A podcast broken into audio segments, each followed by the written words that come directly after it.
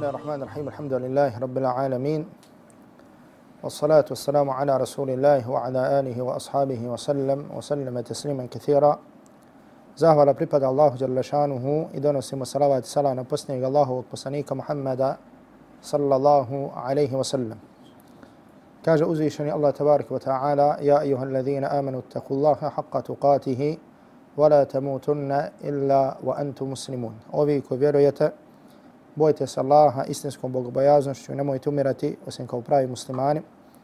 Allah tabaraka wa ta'ala molimo da nas učini od onih koji ga se boje istinskom bogobojaznošću i od onih koji će umrijeti samo kao pravi muslimani. I molim ga subhanahu wa ta'ala da ga sretnemo, a da on sa nama bude zadovoljan.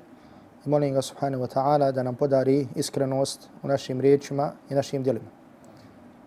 Tema, e, naša večerašnja tema, odnosno kuranske sure koje ćemo tefsiriti, odnosno sa čim ćemo sa tefsirom družiti večeras, jeste sura Kul ja ejuhal kafirun i sura Kul huvallahu ahad. Ove dvije kuranske sure, kao što pretpostavljam znate, i samog prevoda, znate da govore o tevhidu, to jeste o Allahu i tabaraka wa ta'ala jednoću. Pa tako sura Kul ja ejuhal kafirun govori, kao što ćemo kasnije više pojasniti, o vrsti tevhida koja se zove tevhidul uluhija. A to je da sav ibadet se upućuje jedino uzvišenom Allahu tabaraka wa ta'ala. I da čovjek u svom robovanju Allaha tabaraka wa ta'ala i u svom činjenju ibadeta ne upućiva niti jedan dio ibadeta nekom drugom mimo Allaha tabaraka wa ta'ala. Dok je sura Kul huvallahu ahad, sura koja govori o Allahu tabaraka wa ta'ala i njegovim subhanahu wa ta'ala svojstvima. U sunnetu Allahovog Rasula sallallahu alaihi wa sallam došli su hadisi koji govore o vrijednosti oba dvije ove kuranske sure. Pa tako Ebu Davud u svom sunanu i također imam Termizi u svom sunanu su zabilježili od Farwe ibn Naufala radijallahu ta'ala anhu, a on od svog oca Naufala, gdje se kaže da je Allahu poslanih sallallahu alaihi wa sallama rekao Naufalu da mu je kazao iqra kul ja ejuhal kafirun thumma nam ala khatimatiha. Kaže, prouči suru kul ja ejuhal kafirun i odmah poslije nije zaspi. Kaže, fa innaha bara'atun min širki. Jer kaže, ona je odricanje od širka. Jer ona je odricanje od širka. Ili da kažemo, jer u njoj je odricanje od širka. Također je zabilježio imam Tirmizi u svom sunanu od Enesa radijallahu ta'ala anhu da Allahu poslanih sallallahu alaihi wa sallam kazao وَمَنْ قَرَأَ قُلْ يَا أَيُّهَا الْكَافِرُونَ عُدِلَتْ لَهُ بِرُبُعِ الْقُرْآنِ Kaže, onaj koji prouči suru Kul ja ejuhal kafirun kao da je proučio četvrtinu kao da je proučio četvrtinu Kur'ana. Kada je pak u pitanju sura Kul eh, huvallahu ahad, odnosno sura Ihlas, mislim da su vam još poznati hadisi koji govore o vrijednosti ove kuranske sure.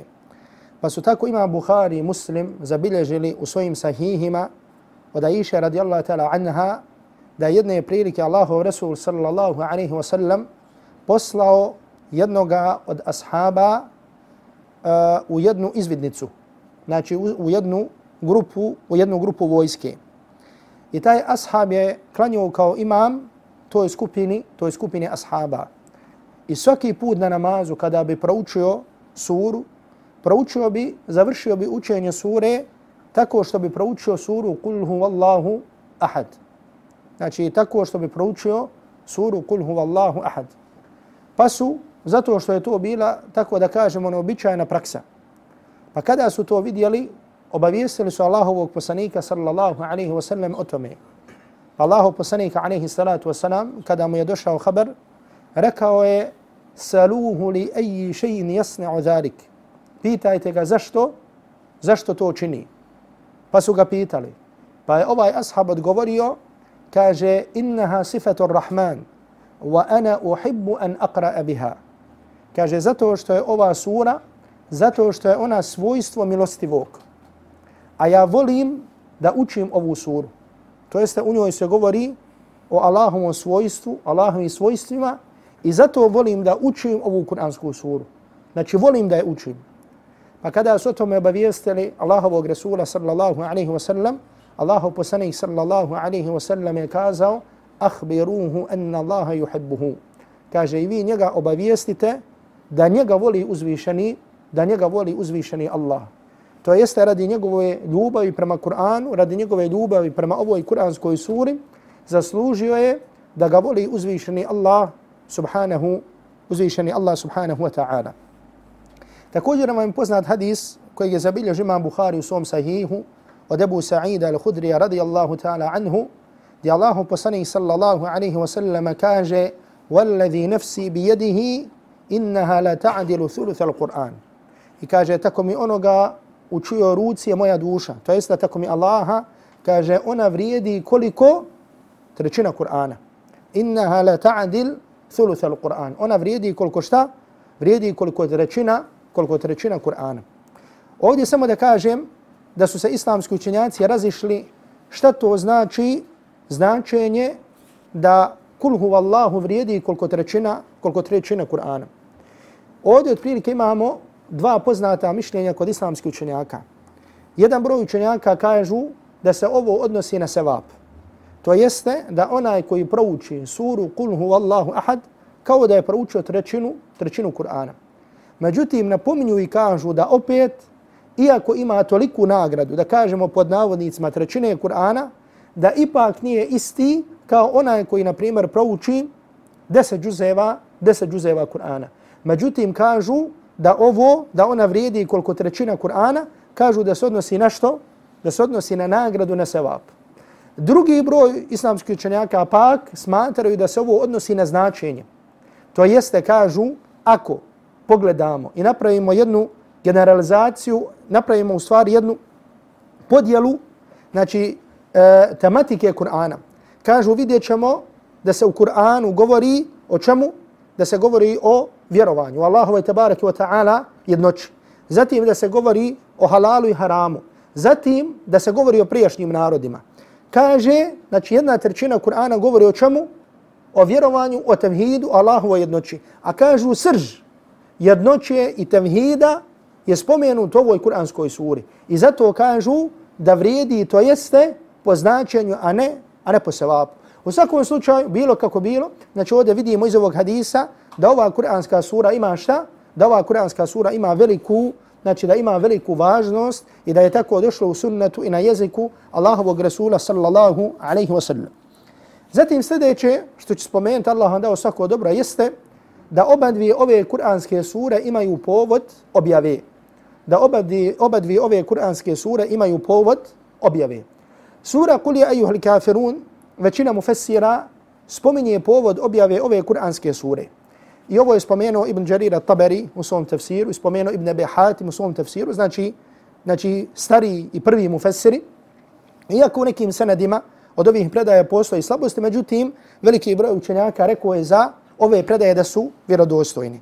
Naime, prenosi se između ostalog Ibn Abbasa, radijallahu ta'ala anhu, da su Kurejšije rekle Allahovom poslaniku sallallahu alaihi wa sallam, kaže da ćemo ti imetka toliko da budeš najbogatiji među nama.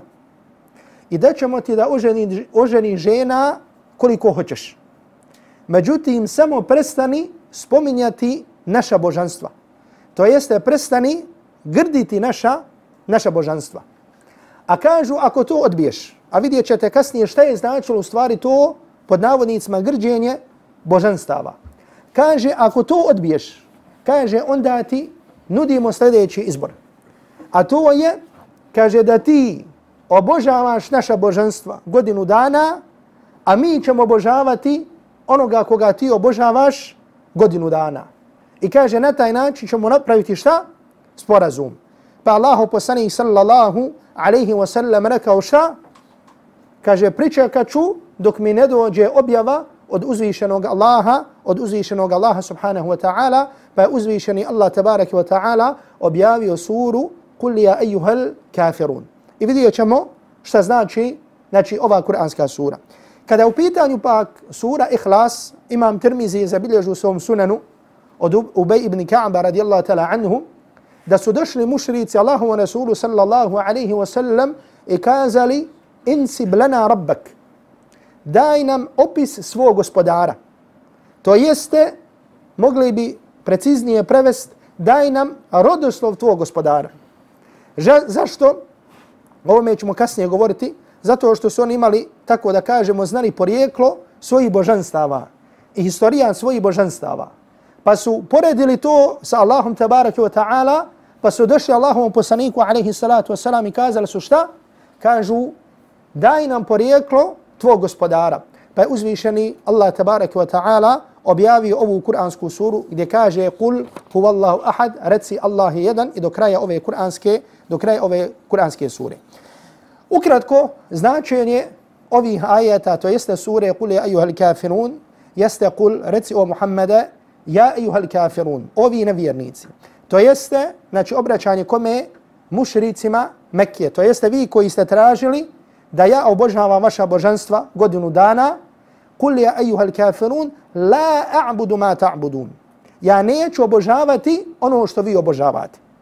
Odmah ovdje da kažem, i mislim da to znamo ili još kad smo tek učili ovu kuransku suru, znači dosta ljudi, ova je sura Kulja ili Kafirun je malo teška. Zašto? Radi ponavljanja, zato što ima slični ovih ajeta, je li tako? Znači, zašto se ovi ajeti ponavljaju? Znači, kod mu fesira postoji govor. Jedni kažu da je to radi potvrde.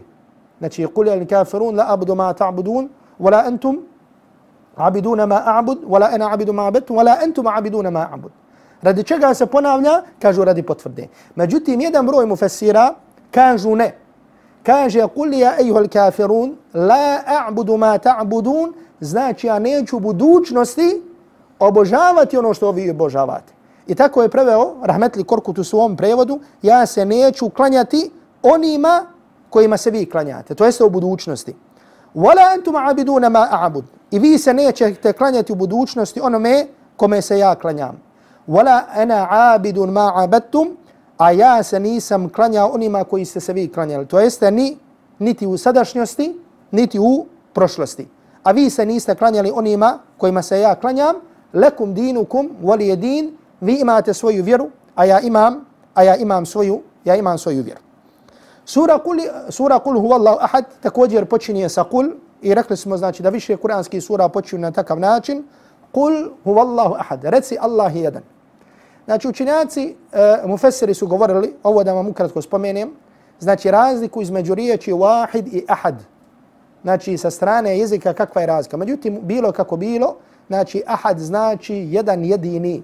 Da je Allah tabaraka wa ta'ala jedan jedini. I učenjaci, govor učenjaka, kada govore o jednoći Allaha tabaraka wa ta'ala, svodi se na to da je Allah tabaraka wa ta'ala jedan jedini u svom zatu, u svom biću, da Allah tabaraka wa ta'ala jedan jedini u svojim svojstvima, da Allah tabaraka wa ta'ala jedan jedini u svojim djelima i da Allah tabaraka wa ta'ala jedan jedini u ibadetu. To jeste da se ibadet upućuje jedino njemu, jedino njemu subhanahu, jedino njemu subhanahu wa ta'ala. I zato kaže Ibn Kasir, kada tumači ovaj ajet, لأنه الكامل في جميع صفاته وأفعاله zato što je Allah tabaraka wa ta'ala potpun i savršen u svim svojim svojstvima i svim svojim djelima. Riječ as-samad, Allahu samad, Allah je samad. Šta znači samad? Samad znači kao što je kao što se prenosi od Ibn Abbasa radi Allahu ta'ala anhu alladhi yusmadu إليه al-khalaiq fi hawaijihim. Onaj kome se ljudi obraćaju u svojim potrebama. Onaj kome se ljudi obraćaju u svojim potrebama. Znači onaj koji je potpun u svojim svojstvima, Znači, i njemu se jedino ljudi obraćaju. I zato ako vidimo kuranski govor, vidjet ćemo da Allah tabaraka wa ta'ala govori, i ovome ćemo, ako budemo imali vremena govoriti, kada budemo govorili o značenju riječi kufr. Jer kufr, znači, znači poricanje, je li tako? Znači, šta je definicija nevjerstva? Definicija nevjerstva je, su riječi dijela koja čovjeka izvode iz kruga imana islama. Međutim, jezički značenje riječi kufr znači sakrivanje i pokrivanje nečega. I zato, na primjer, e, za čovjeka koji se bavi zemljoradnjom, jezički se može reći kafir. I zato Allah tabaraka wa ta'ala u suri Hadid spominje zemljoradnike pa kaže a'đabel kuffara nabatuhu. I kaže kada kuffar, množina od riječi kafir, kaže kada zadivi, zadive plodovi. Ovdje se ne misli na nevjernike, nego se misli na koga? Na zemljoradnike. Zašto?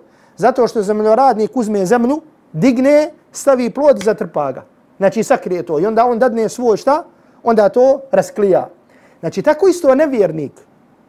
Allah tabaraka wa ta'ala kaže وَجَحَدُوا بِهَا I oni su to porekli وَاسْتَيْقَانَتْهَا أَنفُسُهُمْ Ali njihove duše su bile u to duboko ubijeđene.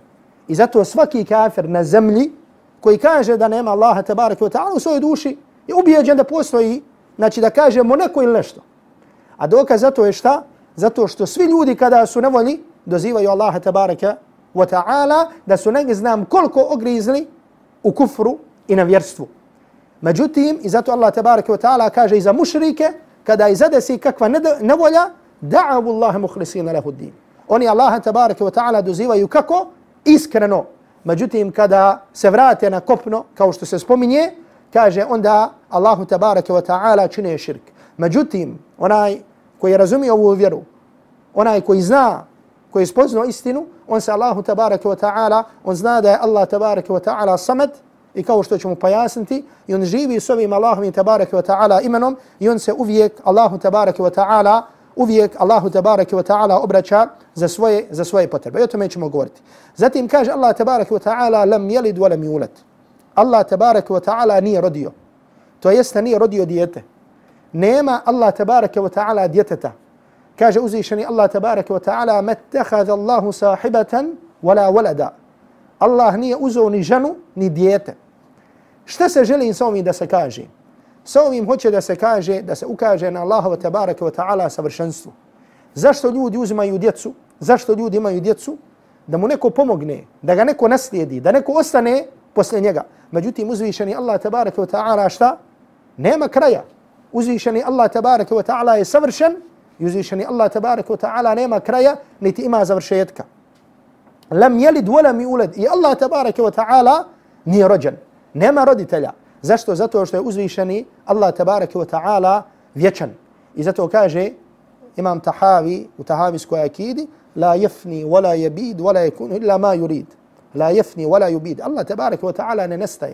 يعني سوفيم نجلي سمو دا سكاجي دا الله تبارك وتعالى نيما ديت. إلا دا سكاجي دا الله تبارك وتعالى نيا رديو نيا رجل. نقول هوتشي دا سأكاجي na savršenstvo, na apsolutnu Allahu tabaraka wa ta'ala neovisnost i na vrhunac njegovi subhanahu wa ta'ala svojstava. I onda Allah tabaraka wa ta'ala posle toga kaže وَلَمْ يَكُنْ لَهُ كُفُوًا أَحَدٍ I nikomu rava nije. Ova riječ kufuvun ili kufun, znači znači nadhir ili šabih ili mithl. Znači niko Allahu tabaraka wa ta'ala sličan nije. I zato još jednom ponavljam i kažem da ova sura ukazuje nešto na savršenstvo Allahu i tabaraka wa ta'ala svojstava. I zato, znači, u istinu čovjek vidi da je ova kuranska sura šta? Da je ona sifatu, da je ona sifatu rahman. Dobro. Ono što možemo izvući kao pouku i poruku iz ovih kuranskih sura, iz ove dvije kuranske sure je mnogo. Znači, u stvari, čitav čovjek, čitav govor o tevhidu i o akidi može svesti pod ove dvije kuranske sure. Međutim, ja ću spomenuti neke stvari koje mislim da su potrebne, da su osnovne da znamo. Jednu stvar Jednu od tih stvari sam vam spomenuo jučer. A to je da sam vam kazao i da kažem, znači podsjećam sebe i vas, da jedna od važnijih stvari, znači ovo spominju učenjaci kada govore, na primjer, o mufessiru, o komentatoru Kur'ana. Međutim, sad ja govorim ovdje to u smislu kako da lakše spomenuću stvar, jedan kratki historijski pregled, kako lakše da razumijemo mnoge kuranske ajete. Znači, nekada čovjek, inače, bilo kojim stvarima da se bavi, napinu nekim istraživačkim radom, kada ima neki historijski pregled, lakše razumije tu tematiku. Je tako? Tako isto onaj koji razumije historiju Arapa i način kako su Arapi živjeli, kakva je bila njihova vjera, spoznaće lahko suštinu tevhida. I zato znate, Allah vam dao svako dobro, da su Arapi ko? Potomci koga? Ismaila alaihi salam. Znači, bili su na vjeri Ibrahim a.s. Znači Ibrahim a.s. Allah tabaraka wa ta'ala ga spominje kao, znači šta? Kao imama, muvahida i oni koji su bili na šta? Na tevhidu. I Allah tabaraka wa ta'ala kaže da je bio ummet. Znači čovjek jedan, znači može da bude, Allah tabaraka wa ta'ala naziva ga da je ummet, da je zajednica. Zato što ponekad čovjek svojim djelovanjem može da radi koliko jedan ummet. I zato ima ljudi dan danas u ovom ummetu koji rade, koji se žrtvovali da rade za Allahu tabaraka wa ta'ala vjeru da su kao da su ummet. Ne organizacija, niti organizacija, kao da su ummet. I zato ne znam jeste li čuli za doktora Abdurrahmana Sumejta. Znači Kuvajčana koji je preselio. On je bio doktor medicine. Čitav svoj život proveo u Africi pozivajući ljude u islam. Znači spominju se milioni ljudi koji su njegovim sebebom znači prešli, znači koji su prešli na, znači koji su prešli na, na islam. Dobro. Arapi su bili na kojoj vjeri? Bili su na vjeri Ibrahima, alaihi salam. Na vjeri Ibrahima, na, vre, na vjeri Ibrahima, Ismaila, alaihi salam. Znači na čistom tevhidu. Na čistom tevhidu. Dobro. Bili su tako koliko, i znači ne samo da su bili na vjerovanju, nego na i obradima. Znači zati, obradi hađa datiraju od koga? Od Ibrahima, alaihi salam. Wa aina manasikana wa tuba alaina kada Ibrahim a.s. Ismail govore i pokaže nam, pojasni nam propise. tuba alejna. I zato propisi, zato obredi hađa, način obredi hađa su bili prisutni i kod predislamski Arapa. S tim što su promijenili stvari, dodali tu, dodali tu širka. Uglavnom hoću da vam kažem, da sad ne spominjem podijelu Arapa kod historičara, da se dijele na tri vrste, uglavnom ne se, znači bili su na tevhidu sve do pojave čovjeka koji se zvao kako? Zna li ko? Amr ibn Amr ibn Luhaj, odlično. Znači on ima hediju. Napomenu, znači ima hediju. Amr ibn Luhaj al-Huza'i ili Amr ibn Amr al-Huza'i. Poslanik sallallahu alaihi wa sallam ga spominje hadisu Buhari da ga je vidio u vatri. On je bio veliki uglednik među Arapima. Znači nije bio, ona, e, bio veliki uglednik među Arapima i kažu da je bio otprilike neki 400 godina prije pojave poslanika alaihi salatu wasalam otišao je u Šam i vidio je ljude kako obožavaju kipove. I to mu se je svidilo. I doveo je, tako da kažemo sa sobom kipove, znači tu ideju obožavanje kipove uveo među Arape. I Arapi su tada počeli da obožavaju kipove. I čak spominju da on donio, znači lično je donio božanstvo koje se zvalo Hubel, koji su Arapi obožavali. Međutim, šta je sada ovdje bitno? Ti Arapi, znači tada postaju mušrici. Jel u redu? Međutim, Šta je to značilo njihovo obožavanje kipova? Jesu li oni rekli, ne, Allah nije tvorac, Allah ne daje obskrbu, daje hubel, daje la, daje uzat? Ne. Oni su i dalje ostali da vjeruju da Allah vrhovno božanstvo. Ko daje život? Allah. Ko daje smrt? Allah. Ko daje obskrbu? Allah. Međutim, kaže ova božanstva, oni su, da kažemo, dobri, dobri ljudi, koji će nas približiti Allahu tabaraka wa ta'ala. I umjesto do Allaha da idemo direktno, mi ćemo ibadete usmjeravati hubalu ili latu ili uzatu i oni će nas približiti Allahu tabaraka wa ta'ala. Znači nikada kroz svoju historiju Arapi nisu zanijekali šta? Da Allah daje obskrbu, da stvara, da upravlja i tako dalje. Nego su vjerovali da i ta božanstva samo približavaju uzvišenom Allahu tabaraka wa ta'ala. I zato su, znači do tog vremena, su Arapi izgovarali telebiju kad, kad bi obavljali hađ. Govorili su kako? Govorili su ko što mi govorimo danas. Labbejk Allahumma labbejk, labbaik la sharika laka labbejk. Odazivam se, gospodar, odazivam, odazivam se la sharika laka labbejk. Odazivam se, ti nemaš sudruga. Međutim, dodali su tada jednu rečenicu. Kaže, illa sharikun huwa lak. Kaže, osim sudruga koji je tvoj sudrug. Temliku huwa ma melek. I ti si njegov vlasnik i vlasnik su onoga što on vlasnik. Jel razumijete? Znači šta su sad tim opet, znači dodali su to, ali opet ostaje priznanje svim tim božanstvima da je vlasnik ko? Da je vlasnik uzvišeni Allah tabaraka wa ta'ala. I znači to je bio suština, to je bila suština njihovog širka. I odstupanje od tevhida. I sada su onda počeli da vrste ibadeta kao što je itikaf, kao što je dova, kao što je traženje utočišta, da upućuju kome tim božanstvima. Kako bi to dovelo što prije do vrhovnog božanstva, do uzvišenog Allaha tabaraka wa ta'ala. I zato na više mjesta uzvišeni Allah tabaraka wa ta'ala kaže da su spomnjali riječi ma na'buduhum illa li uqarribuna ila Allahi zulfa. Mi njih ne obožavamo osim da nas Allahu šta? Oni približe. Znači to je suština njihovog širka i odstupanja od temhida. E sad Allahu poslanik, alaihi salatu wasalam, kad je došao i kad im je rekao, znači rekao im fino, ta božanstva nikakve fajde od njih nema. Znači nema obraćanja njima. Znači vjera Ibrahima alaihi salam je obraćanje direktno Allahu tabaraki wa ta'ala. Oni su to nazvali da poslanik grdi njihova božanstva. Poslanik nije, da tako kažemo, grdio njihova božanstva. Ali zato što je govorio da njihovo ibadet nema nikakve koristi, oni su to smatrali sa čim? Oni su to smatrali grđenjem, oni su to smatrali grđenje božanstava. Sa napomenom da je uvijek, znači, od, od, od, od, od, od pojave Amr ibn Luhajja ili Amr ibn Amira, Huzaija, do vremena poslanika, alihi salatu wasalam, uvijek je bilo ljudi koji su bili šta? Na tevhidu. Uvijek je bilo ljudi koji su bili šta? Na tevhidu. I zato koji su bili dokaz protiv drugih ljudi. I zato, na primjer, kažu, Allahu poslanika, alihi salatu wasalam, kada je obavljio hađ, znači spominjali smo kad smo tumačili bulughul maram, poglavlju hađu, spominjali smo meselu, je poslanik obavio hađ prije poslanstva ili nije? Je li tako? Jesmo li spominjali to? Dobro. Pa smo rekli da je bio običaj Arapa, Kurejšije nisu izlazile na Arefat. Kad obavljali hađ, nisu izlazile na Arefat. Boži poslanik izlazio. Zašto nisu Kurejši izlazili na Arefat? Znate, kad, kad na hađu, znači posle harama, znači šta ide? Ide Mina, je tako? Pa ide Muzdalifa, pa ide Arefat. E šta je sada? Šta Arefat je van granica harama. Arefat nije u granicama harama. Arefat je najdar. Ko je bio na hađu zna. Znači Arefat je naj... Arefat nije u granicama harama. Arapi su, Kurejše su govorili, mi smo hums, mi smo odabrani i mi nećemo izlaziti van, van harama. Međutim, drugi Arapi su, drugi Arapi su. Znači, to je bilo od stvari koji su šta? Koji su, koji su promijenili. I zato da kažemo ovdje je ovo, znači, suština da čovjek zna šta je u stvari, znači, ko spozna šta je suština širka, spoznaće šta je suština onoga, znači, spoznaće šta je suština tevhida. Dobro.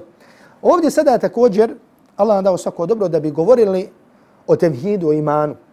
Moramo spomenuti jednu stvar kako bi lakše eh, razumjeli razumili stvari koji će doći. A to je, na primjer, pitanje spoznaje Allaha tabaraka wa ta'ala. Islamski učenjaci kada su govorili o spoznaji Allaha tabaraka wa ta'ala, spomenuli su da postoji više načina spoznaje Allaha. Jel se sjeća neko kada smo to radili? Uglavnom ne se. Znači, spomenut ću vam, spomenuli smo dvije najpozna, dva najpoznatija načina spoznaje Allaha. Znači, jedan je prirodan, prirodni način, pitanje fitrom, a drugi način je racionalni račun, način. To jeste način putem razu, spoznaje Allaha tabaraka wa ta'ala putem razuma. I zato Allah tabaraka wa ta'ala na toliko mjesta u Kur'anu poziva u razmišljanje o stvaranju nebesa i zemlje i Allahovi stvorenja. Naravno i vjernik kada razmišlja o Allahu tabaraka wa ta'ala o Allahovim stvorenjima, to povećava njegovo vjerovanje. Međutim, onaj koji ne vjeruje, razmišljanje o Allahovim stvorenjima može da čovjeka šta? Znači da dovede do spozna Allaha tabaraka wa ta'ala.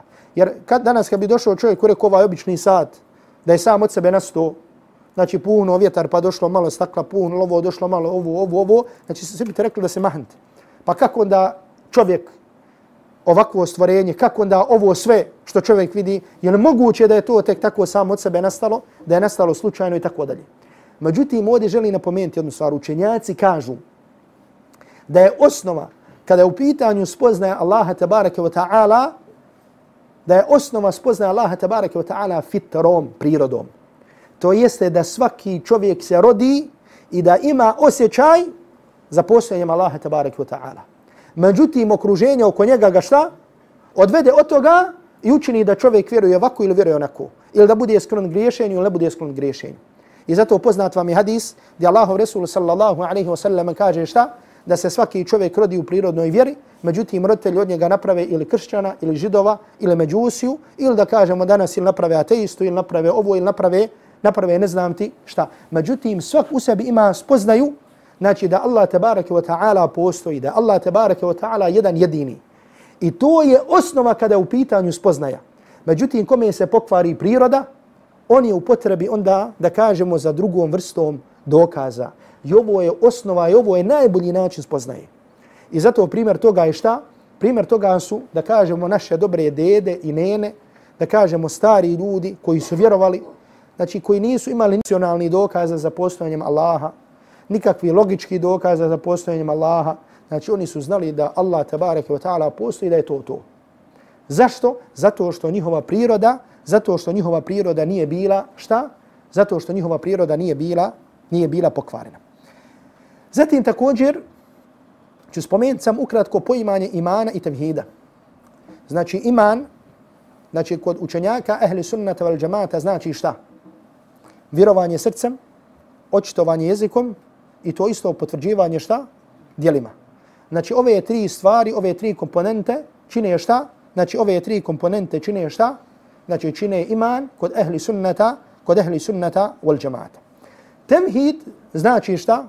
Znači tevhid znači vjerovanje da Allah tabarak wa ta'ala jedan jedini, znači u svom zatu, u svojim dijelima, u svom ibadu i tako dalje, o tome ćemo, o tome ćemo govoriti. Naravno, e, čovjek isto ako poznaje termine kao što je značenje kufra, širka i nifaka, znači ova tri termina i te kako je bitno da čovjek zna definiciju ovoga i podjel ovoga. I zato ću samo ovdje ukratko spomenuti, mada mislim da se sve ste ovo učili. Znači već sam vam spomenuo znači, definiciju kufra. Znači šta jezički znači kufr, a terminološki kufr znači šta? Znači da su to riječi i djela ili ubjeđenje koje izvodi čovjeka iz okvira islama. Naprimjer, može čovjek u svom, vjeri, u svom srcu da kaže, ma, ko što ljudi kažu, ko se od tamo vratio. Znači sumnja u ahire da Allah tabarak wa ta'ala sačuva. Znači sama sumnja u osnove vjere je kufr, stvar koja izvodi iz Allahove tabarak wa ta'ala vjere. Ili da čovjek izgovori riječi kufra i tako dalje. Međutim, obratite pažnju, učenjaci kažu da se kufr dijeli na koliko vrsta? Na veliki i na mali. Ovo su učenjaci nam spomenuli kako bi lakše razumjeli. Šta znači mali i veliki kufr? Znači mali kufr su grijesi koji ne izvode čovjeka iz vjere. Znači došli su grijesi u sunnetu Allahovog poslanika alaihi salatu wasalam, grijesi, ali su nazvani kufrom. Međutim, onaj koji počini nije nevjernik. Zašto? Zato što su učenjaci sabrali sve dokaze i vidjeli su da to nije grijeh koji čovjeka izvodi iz okvira islama imana. Međutim, radi veličine tog grijeha ili zato što taj grijeh može odvesti čovjeka u kufr, oni su nazvani kufrom. I zato je Boži poslanik alaihi salatu wasalam rekao da čovjek grdi vjernika da je to griješenje. Međutim, da se bori protiv njega da je to kufr, da je to nevjerstvo. Međutim, učinjaci su rekli, nije to veliko nevjerstvo. Zašto? Zato što Allah tebarak ve ta'ala na drugom mjestu kaže wa in مِنَ min al-mu'minina iqtatalu. Ako se dvije skupine vjernika pobiju. Znači može se desiti da Allah tebarak ve ta'ala sačuva od fitne iskušenja među muslimanima da se dvije skupine muslimana pobiju oružjem. Međutim Allah tebarak ve ta'ala jedno i drugu naziva šta? Naziva vjernicima. I zato napominjem i kažem, znači mogu biti grijesi koji su nazvani kufrom, međutim ne kufr koji čovjeka izvodi iz vjere. Tako isto širk. Znači širk se dijeli na mali i veliki. Veliki širk je ono što izvodi čovjeka iz Allahove vjere. Što narušava tevhid. Na primjer da čovjek uputi dovu nekom drugom mimo Allaha tabaraka wa ta'ala. Međutim došli su grijesi koji su nazvani širkom. Kao na primjer da kaže Allahu poslanik, a nije veliki širk. Kao na primjer da Allahu poslanik alejhi salatu vesselam kaže men halafa bi gajri Allahi faqad ashrak." Ko se zakune sa nečim drugim mimo Allaha, on je počinio širk. Znači učinjaci kažu da se ovdje radi o čemu? da se radi o malom širku. Međutim, narušava tevhid, narušava potpunost tevhida. I zato ćemo tome, inša Allah i ta'ala, spominjati stvari, nadam se, znači riječi dijela koji narušavaju tevhid ili u osnovi ili u potpunost tevhida. Međutim, ovdje od stvari koji želi napomenuti i želi napomenuti da napominjete drugi, Allah vas nagradi, jeste, znači što je prošireno među našim narodom, zaklinjanje sa nečim drugim mimo Allaha tabarika wa ta'ala. Znači to je, znači u sunnetu Allahovog Rasula alaihi salatu wasalam, definisano kao šta? Kao mali, kao mali širk. Isto je tako nifak. Nifak znači šta? Licemjerstvo. Znači da čovjek ispoljava jedno, a krije drugo. Znači da ispoljava vjerovanje, a krije nevjerovanje. Na primjer, čovjek ispoljava islam, međutim u svom srcu ne vjeruje. Takva osoba se zove kako? Licemjer. Međutim, postoji nifak koji je nifak mali. Ili učenjaci kažu nifak u dijelima. A to je da je došlo u sunnetu Allahovog poslanika alaihi salatu wasalam, da su došli grijesi koji su nazvani licemjerstvom. Kao što je na primjer da Allah tabarik wa ta'ala sačuva laganje. Gdje Boži poslanik alaihi salatu wasalam kaže ajetu munafiqi thalath. Tri su znaka licemjera. Ida haddatha kazab. Kada priča laži. Wa idha tumina khan. Kada mu se da nešto u povjerenju, on to iznevjeri. Znači, ako se desi da osoba slaže ili znavjeri manet, je li licemjer koji ga izvodi iz vjere? Ne. Međutim, to je osobina licemjera. I čovjek mora da se pazi na sve osobine koje su došle u Kur'anu i sunnetu Allahovog tebar, koji su došli u Kur'anu i sunnetu Allahovog Rasula sallallahu alaihi wa sallam, znači koji su nazvani, znači sve osobine koji su spomenuti u Kur'anu i sunnetu, znači da, da se kod čovjeka ne nađe neka, da se kod čovjeka ne nađe neka od tih, od tih, od tih osobina. Ovdje ću, uh, kada govorimo o ovoj kuranskoj suri, kul je ajuhel kafirun, ova kuranska sura, i ovdje, draga braćo, koliko smo potrebni da znanje pojednostavimo i koliko smo potrebni da ljudima prenosimo značenje ovih kuranskih sura. Jer koliko je danas ideja koji su prisutni kod ljudi, čak kod učenih ljudi, pod navodnicima. Međutim, u ovim kratkim kuranskim surama koje djeca uče u Mejtefu, je odgovor na što, znači na te neispravne, neispravne tvrdnje. Od toga je nešto što se zove znači, ideja koji zastupaju, tako da kažemo, neki teolozi, čak neki iz reda koji se nazivaju muslimanima i tako dalje, znači ideja jedinstva religija. Znači šta znači ovo uh, jedinstvo religija? Jedinstvo religije znači uvjerenje ili ubjeđenje da su sve vjere i put, da su sve vjere danas koje su prisutne, da su to vjere koji su putevi do Boga, koji su putevi do Allaha tabaraka wa ta'ala. Pa kaže Islam jedan od puteva, kršćanstvo je također put, judaizam je put, budaizam je put, sve je to put do Allaha tabaraka wa ta'ala. I kažu, znači sve su to putevi koji vode do Boga i čovjek kako se drži toga, znači bit će spašen i, na, i na, na dunjalu i na ahiretu. Dobro. Znači po značenju toga, znači čovjek bi mogao petkom da ode na džumu, subotom da ode u sinagogu, nedeljom da ode u crkvu i da kaže ovo su putevi, ovo su različiti da kažemo mezhebi koji vode do Allaha tabaraka wa ta'ala. Znači čovjek koji malo išta zna od Islama, koji malo ima imana, zna koliko je neispravna, neispravna ova tvrdnja. Međutim, pogledajte samo da čovjek razmisli o ovoj kuranskoj suri, kul je ajuhul kafirun, reci o nevjernici gdje se kaže lekum dinukum walijedi. I zato kako su naši, narod, naši stari imali običaj, znači da kažu, znači čak kada bi hvali nekoga ko je nevjernik, znači jer pazite, paška je govoriti o odnosu prema nevjernicima. Znači vi znate da je u Kur'anu i sunnetu došlo, znači kako se čovjek odnosi čak e, prema komši, čak koji je kršćanin, koji je židov, znači čak Allah tabaraka wa ta'ala kaže ako se nisu borili protiv vas, da im činite dobročinstvo, i muslimani i muslimani na ovim prostorima se mogu ponositi kako su se odnosili prema svojim, prema svojim komšijama. Međutim, govoriti o ispravnosti i neispravnosti vjerovanja, to je neka potpuno druga stvar. I to su dvije stvari koji su i tekako danas potrebne da se razluče. Znači, odnos i dobročinstvo prema njima i druga, da kažemo, stvar ispravnost ili neispravnost vjerovanja. I zato naši stari, a koliko u našem narodu bilo izreka koji su i tekako bile važne i bitne, ili da kažemo izreke koji su vezane za akidu. I zato naš narod, naši stari, kada bi vidjeli nešto fino kod nekog ko nije musliman, na primjer, da ima nešto fino, pa bi to pohvali, ili kad bi pohvali nekog nemuslimana, šta bi rekli? Kaže, ne hvaleći mu čufra, ne hvaleći mu kufra. Znači, zašto? Zato što učinjaci kažu da je hvaljenje kufra kufr.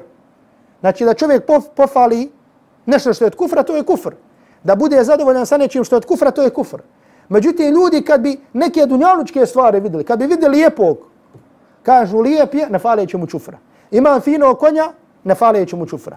Ima fino ovo, ne faleći mu čufra. Zašto? Zato što se bojali ovoga. Zašto su to govorili? Zato što su razumijevali suru kuli ahlul kafirun. Lakum dinu kuvali din. A danas imaš ljudi koji imaju doktorate, znači pripisuju se, znači tumači islamske nauke, kažu sve su ovo putevi koji vode do Allaha tabaraka wa ta'ala. Da Allah tabaraka wa ta'ala od toga sačuva. I zato uputa koju ti Allah tabaraka wa ta'ala podario, je dar od Allaha subhanahu wa ta'ala na kojem treba zahvaljivati. Draga braćo, znači ovo što smo mi sada, što se družimo sa tefsirom kuranske ajeta, to je dar od Allaha tabaraka wa ta'ala koje nam je uzvišeni Allah tabaraka wa ta'ala podario. Znači znajte da ima ljudi koji su mnogo pametni, inteligentni, bistri od nas. Veći razum imaju, međutim nisu na pravom putu. Zato što je razum jedan od načina spoznaje Allaha, a nije to glavni način spoznaje Allaha tabaraka wa ta'ala. I nije to glavna stvar za uspije čovjeka na dunjalku i na hiretu. Nego je uputa, dar, poklon od Allaha subhanahu wa ta'ala, najveći koji nam je uzvišeni Allah tabarak wa ta'ala na dunjalku dao. I zato zahvaljujemo Allahu subhanahu wa ta'ala, zato zahvaljujemo Allahu subhanahu wa ta'ala na ume. Kada su pitanju, kada u pitanju poimanja Allaha i tabarak wa ta'ala svoj stava, spomenut ću vam samo ukratko dvije rečenice. da je vjerovanje ehli sunnata wal džemata, da se vjeruje Allaha tabarak wa ta'ala svojstva onako kako je došlo u Kur'anu i sunnetu. I da to prepisujemo Allahu tabaraka wa ta'ala i kažemo onako kako dolikuje uzvišenom Allahu tabaraka wa ta'ala. Međutim, pravci koji su odstupili od ovog pravca i koji su negirali neka Allahove tabaraka wa ta'ala svojstva, zašto su negirali? Na primjer, rekli su Allah se nije uzvisio iznad arša. Kažu to znači zavlado je. Znači, rekli su to zato što su poredili Allaha tabaraka wa ta'ala sa nečim od, od njegovih stvorenja. I zato učenjaci kažu za one koji negiraju Allaha tabaraka wa ta'ala svojstva, da su oni u stvari poredili Allaha tabaraka wa ta'ala sa nečim. To su na prvi pogled dva suprotna pojma. Učenjaci ahli sunnata wal džamata kažu kullu mu'attilin mušabbih. Svaki onaj koji negira, on je poredio. Šta to znači? Znači onog momenta kad je došao i rekao Allah se nije uzvisio iznad arša. Zašto je to rekao? Zato što je zamislio u svojoj glavi kako se ljudi uzvisuju I kako kralj sjedne na arš, na prijestolje. Zamislio u svojoj glavi, poredio u svojoj glavi. Znači, poredio je nešto što vidi sa nečim što ne vidi. I zato učenjaci kažu da je to uzrok te zablude. I zato kaže uzvišeni Allah tabaraka wa ta'ala فَلَا تَضْرِبُوا لِلَّهِ لَمْثَالِ Nemojte Allahu navoditi primjere.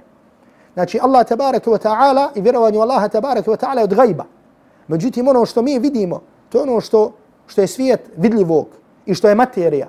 I ne može čovjek porediti materiju ili da kažemo svijet gajba sa nečim što je, znači materija. I zato sve što je došlo od Allahovi tabaraka wa ta'ala svojstava, kažemo onako kako dolikuje Allahu tabaraka wa ta'ala. Još želim, draga braću, spomenuti dvije stvari koje smatram i kako važnim i bitnim. A to je kada govorimo o Allahu i tabaraka wa ta'ala svojstvima, čovjek treba da zna da nauči sebe i da nauči svoju porodicu, jer je odgovoran za njih. I ovdje skrećem pažnju da je čovjek odgovoran za sebe i za svoju porodicu. Allah tabarak wa ta'ala kaže Ja ejuha allazina amanu ku anfusakum ahlikum nara. Ovi koji vjerujete, čuvajte sebe i svoje porodice džahannamske vatre. I najpreći ko ti je da ga podučiš i da ga posavjetuješ i da ga podučiš jeste tvoje, jesu tvoji najbližniji. I zato nemoj tamo nekome hoćeš da vaziš o islamu, a tvoji naj, najbliži uskraćeni da kažemo od tvog pojašnjavanja islama njima i tvoje blagosti prema njima i tako dalje, o tome ćemo govoriti. I zato kažem ovdje skrećem pažnju da čovjek odgaja sebe na ovim kuranskim surama i svoju čeljat. Međutim, nešto skrećem pažnju sada jeste da se naučimo da živimo sa Allahovim imenima i svojstvima. Da življenje sa Allahovim imenima i svojstvima postavne sastavni dio našeg života i naše stvarnosti. Znači, spomenuli smo ovdje Allahu tabaraka wa ta'ala ime As-Samad. Onaj kojim se ljudi obraćaju u svojim potrebama. Znači da se naučimo koju god potrebu imaš. Allah ti iskušao sa nekom bolesti.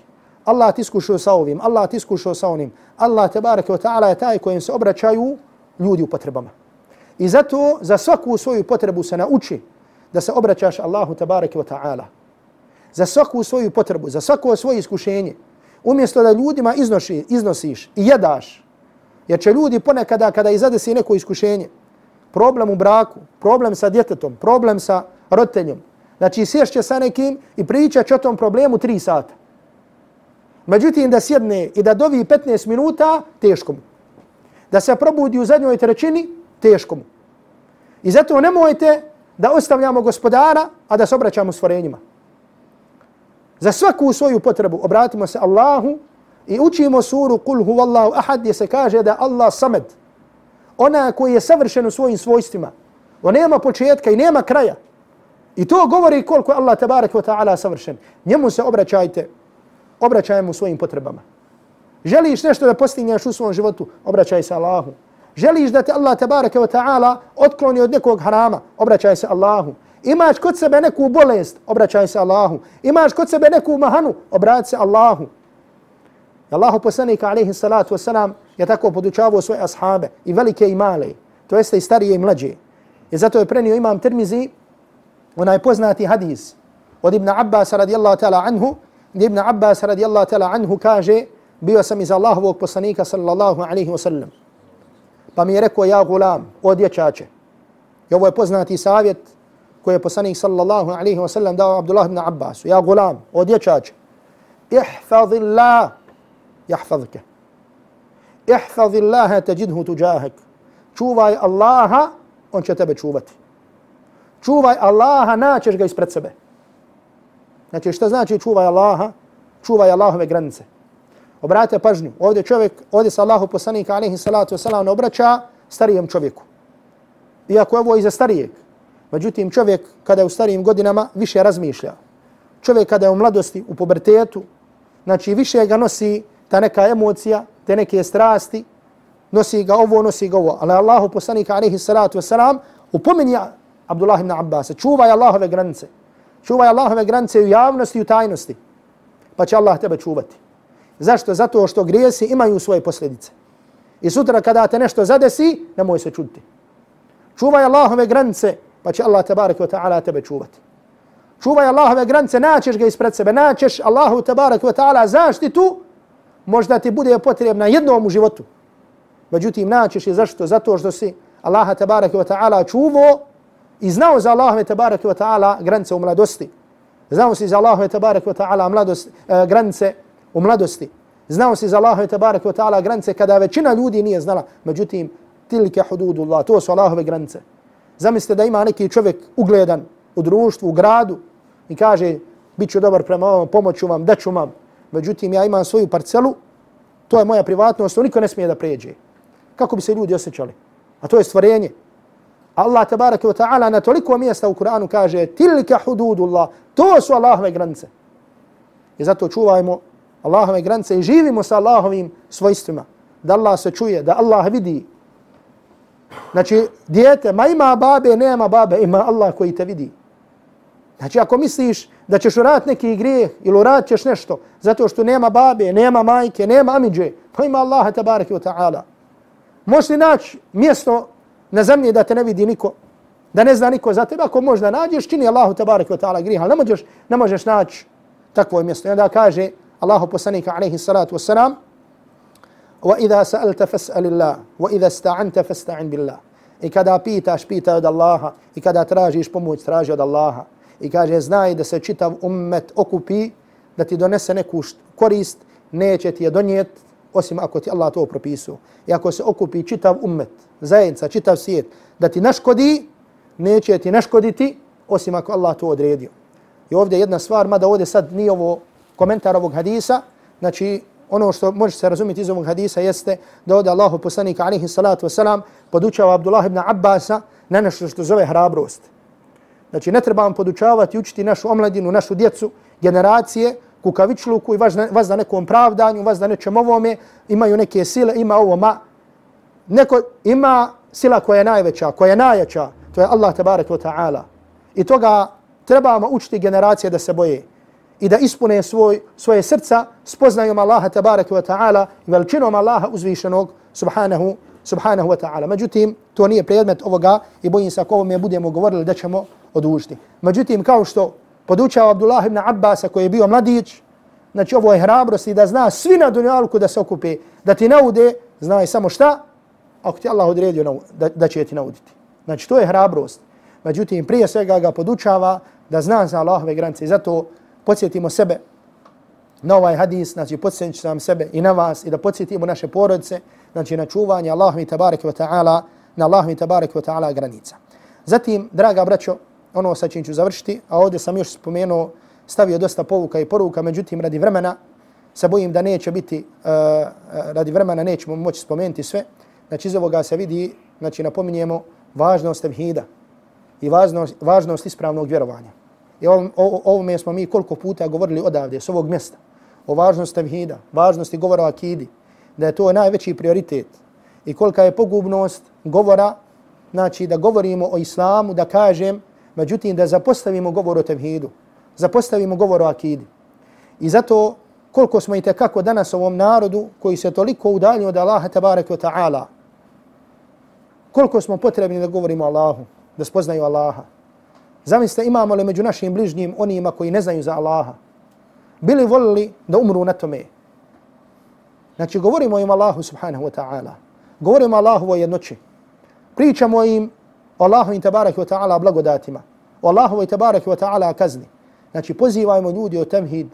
pojašnjavajmo koje su stvari koje narušavaju tevhid, koje su stvari koje vode u kufr, koje su stvari koje vode u širk. Međutim, ovdje napominjem i kažem, i ovdje ću vam spomenuti jedan primjer koji je meni lično bio velika pouka i poruka. Znači, sve to što pojašnjavamo, i tevhid kada pojašnjavamo, moramo ga pojašnjavati sa blagošću i sa mudrošću. I opet podsjećam na one ajete koje smo spomenuli jučer, jučer smo spomenuli, ko ne bi odbraće, znači, uh, govor što je spomenuo še Atije Salim u svom tefsiru, znači da je čuo od še Šenkitija, zatim spomenuli smo ajete gdje Allah tabarak wa ta'ala obraća se poslaniku alaihi salatu wasalam i kaže وَلَوْ كُنْتَ فَضًّا غَرِيذَ الْقَلْبِ لَنْ فَضُّ مِنْ حَوْلِكِ Znači obraćanje poslaniku alaihi salatu wasalam. Da si ti bio grub, osor, oni bi se razbježali, razbježali bi se od tebe. I zato čovjek i kada pojašnjava tevhid, jer neki misle da je govor o tevhidu, znači žestina, ne govor o tevhidu odmah da ljude u džahannam, da kažem, da je govor o tevhidu to, znači čovjek i kada govori o tevhidu i o važnosti akide, draga braćo, govori sa mudrošću. Spomenut ću vam jedan primjer koji se desi u našem vremenu.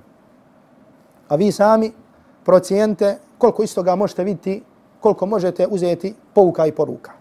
A na neki način je vezan za onaj naš govor jučer koji smo spominjali i govorili kada su pitanju podijele među nama i tako dalje i optuživanje drugi, nazivanje drugi raznim menima i tako dalje.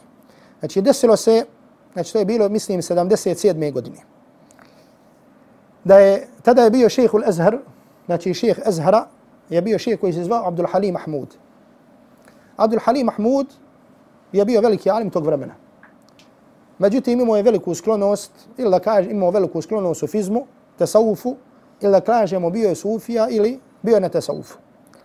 I proširila se stvar, znači, u novinama i tako dalje, da je šeh ostavio vasijet i oporuku da kada umre, da se ukopa u džamiji Znači, da kada umre, da se ukopa gdje? Da se ukopa u džamiji. I da mu kabur bude u jednoj od džamija, u jednom od mesđida. Pa je to došlo do jednog šeha, a na kraju ću spomenuti njegovo ime, koji kada je došao do njega taj haber, napisao mu je pismo. Napisao mu je pismo na sljedeći način, to je duže pismo, možda ga ja jedne prilike objavim na Facebooku, ali ovdje ću vam samo spomenuti ukratko što je spomenuto. Naravno, šega je posavjetovo, znači da je to stvar, ako je istina, da je to stvar koja nije ispravna, da to nije po šarijatu dozvoljeno, ako istina da je to rekao da se toga povrati i tako dalje, znači posavjetovo ga je kako treba da ga posavjetuje. Međutim, riječ i izraze koje je koristio, jeste da na početku imena kaže od, a kasnije ću vam reći ko je, bez da je rekao da je on šejih ili da je on alim, nego je samo rekao od, na primjer od Muhammeda. Kaže ila hadratil ahil mukarram samahti doktor. Kaže uvaženom, poštovanom bratu, uvaženom doktoru, Abdul Halimu Mahmudu, šehu al-Azhara. Kaže, waffaqahu Allah, Allah ga učvrstio, wa nasara bihi l-haq. I Allah sa njim pomogao istinu. Kaže, amin. Kaže, mnogo me je ražalostila vijest koja je do mene došla. I kaže, čudi me da to može da dođe od nekoga poput vas. Od nekoga, kaže, min samahatikum. Znači, od nekoga kao što je vaša, kao što je vaša ličnost. Znači, izrazi, znači, vrhunac poštovanja. Kaže, in saha. Kaže, ako je to, ako je to, kaže, istina. A kaže, nadam se da to nije istina i kaže da je to samo, znači, izašlo u medijama, da je izašlo u novinama, jer kaže, običaj medija i novina da prenose i što je istina i što nije istina. Kaže, od izraza koji spominje, kaže, la sijama. Znači, pazite, ovaj ostavio vasija da se ukopa u mesđidu. Kaže, la sijema wa antum kudvatun li amati nas. A kaže, posebno jeste vi, kaže, jer vi ste, kaže, uzor Jer ste, kaže, vi uzor, kaže, drugim ljudima. Znači, jer ste vi uzor šta? Drugim ljudima. Pa kaže na kraju, kaže, pa Allaha molim da nas i vas, znači, persira ga, da nas učini od onih koji pozivaju istini i da nas učini od pomagača istini.